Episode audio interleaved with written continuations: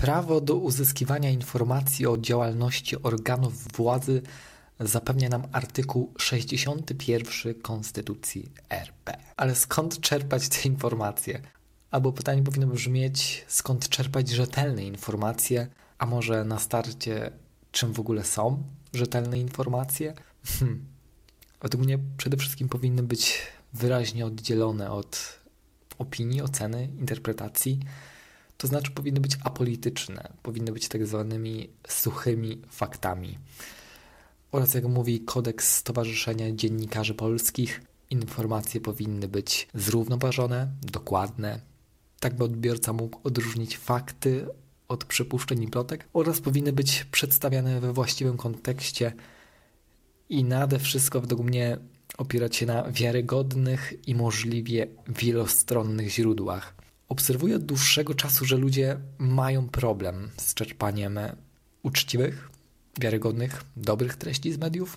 Wszystko, co wyświetli im się na Facebooku, biorą za pewnik i często jest to dla nich tylko jedyne źródło informacji. A w dobie postprawdy i wszechogarniającego szumu medialnego prowadzącego do dezinformacji, czerpanie takich jednostronnych komunikatów sprawia, że, że mamy po prostu zniekształcony obraz rzeczywistości. Zamykamy się w bańkach, zaczynamy żyć w świecie, w którym nawet już na prozaiczne, obiektywne prawdy i fakty nie ma miejsca. Chciałbym mimo wszystko spróbować wyłonić jakieś, może nie ostoje, bo jest to trochę takie tendencyjne stwierdzenie, ale z pewną dozą zaufania. Po prostu rzetelne źródła informacji. A także powiedzieć Wam, skąd głównie czerpię informacje.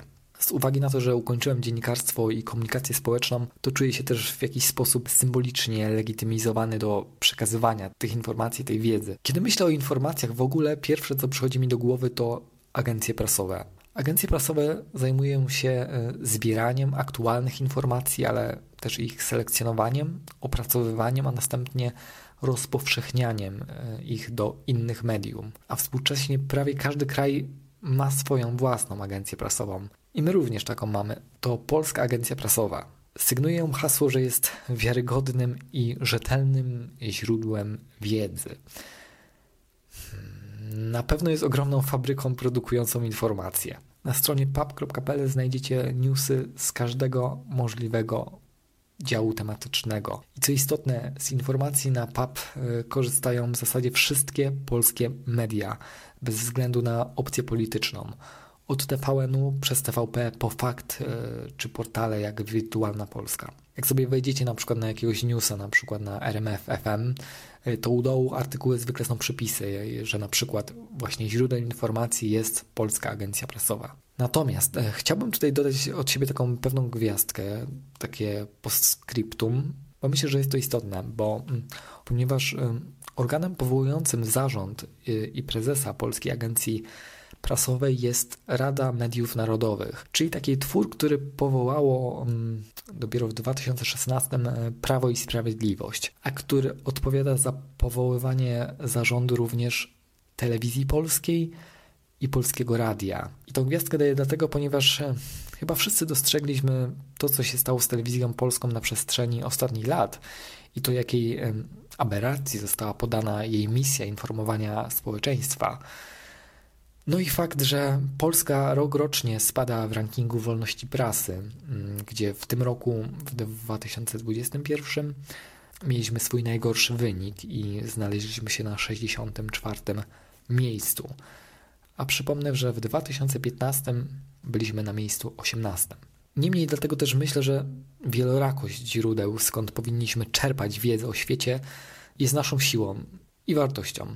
W ślad za tym rekomenduję też odwiedzanie stron innych znanych zagranicznych agencji prasowych, jak na przykład Associated Press, która jest amerykańską e, agencją prasową, jest organizacją też non-profit, e, czy brytyjską agencją prasową Reuters.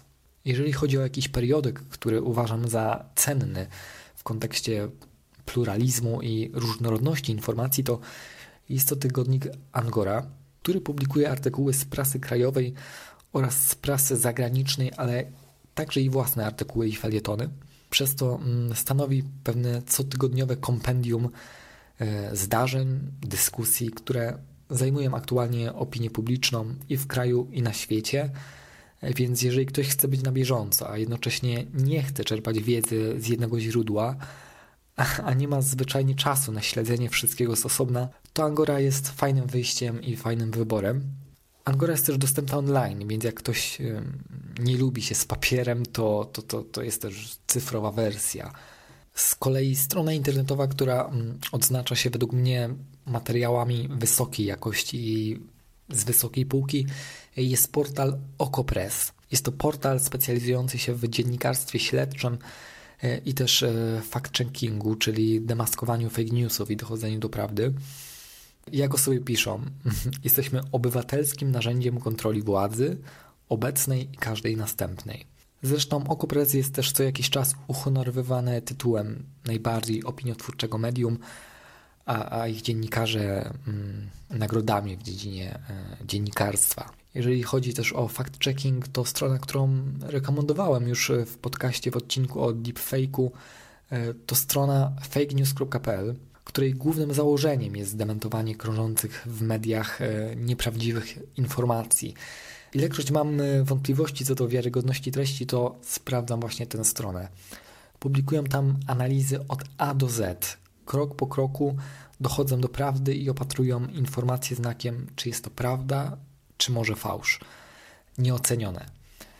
W 2020 roku powstała tam fundacja Przeciwdziałamy Dezinformacji. No i co warte wspomnieć, zarówno fake news, jak i Okopress utrzymuje się z datków, które e, przekazują im czytelnicy.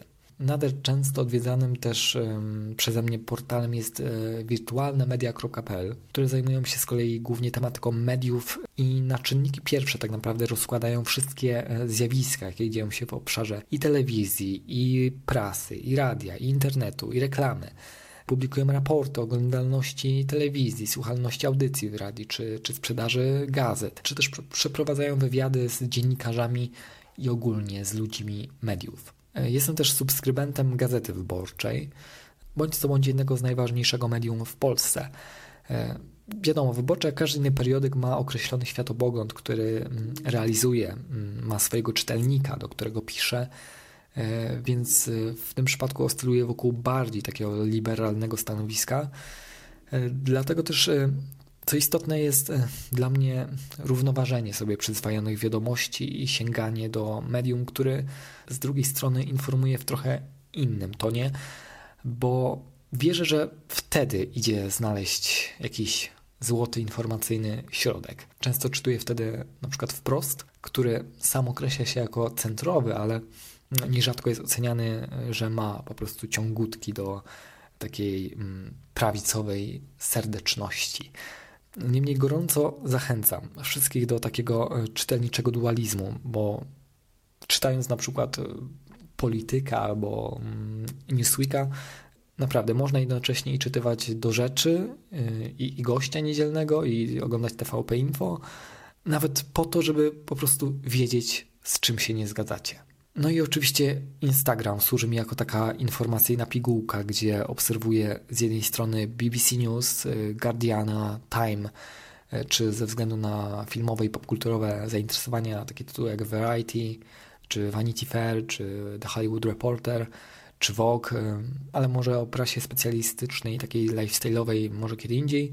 E, ale też śledzę dziennikarzy, na przykład Karolinę Korwin-Piotrowską, która e, nie jest stricte dziennikarką polityczną, ale mm, ze względu na jakieś swoje radykalne poglądy i pewną osobowość, wobec której nie można przyjść obojętnie, bo albo się ją lubi, albo nienawidzi wręcz, to w każdym razie jej konto i materiały, na które, które tam zamieszcza, są niesamowicie interesujące i, i rzuca po prostu często światło tam na ważne sprawy które po prostu mogą uświadamiać.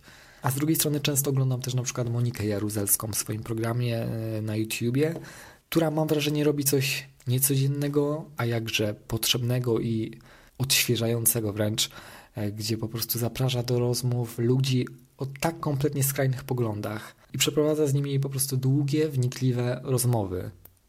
Tak kompletnie różne od przekrzykujących się w telewizji programach informacyjnych ale w tym zestawie nie będzie i nie pojawi się żadna stacja telewizyjna, bo zwyczajnie nie mam telewizji. ale na pewno gorąco polecam podcast e, Raport o stanie świata, który jest według mnie publicystyką najwyższych lotów, gdzie zaprasza się specjalistów, naukowców z różnych kompletnie dziedzin, e, gdzie komentuje się po prostu aktualne wydarzenia na świecie. No, dla mnie szapoba. Ja ogólnie jestem fanem wywiadów, bo, bo, po prostu lubię słuchać ludzi, co mają do powiedzenia, więc e, na przykład dla przeciwwagi słucham wywiadów u Karola Paciorka na przykład. Tak. I pewnie mógłbym wymienić tu jeszcze wiele innych różnych źródeł, z których czerpię informacje, a które uważam za wartościowy content dla mnie, ale w takim kontekście bardziej już światopoglądowym. E, ale nie chcę tutaj uprawiać jakiejś konkretnej politycznej i ideologicznej induktrynacji można po prostu zobaczyć to, co obserwuję na moim Instagramie. Także jeżeli ktoś będzie tak dociekliwy, to sobie sprawdzi. Oczywiście wszystkie tytuły, o których tutaj mówiłem, wszystkie strony zamieszczę w opisie jako taką ściągawkę. Ale dajcie też znać, skąd wyczerpiecie informacje. E, chętnie rzucę okiem na coś nowego. Także do usłyszenia w kolejnym koniku, felietoniku.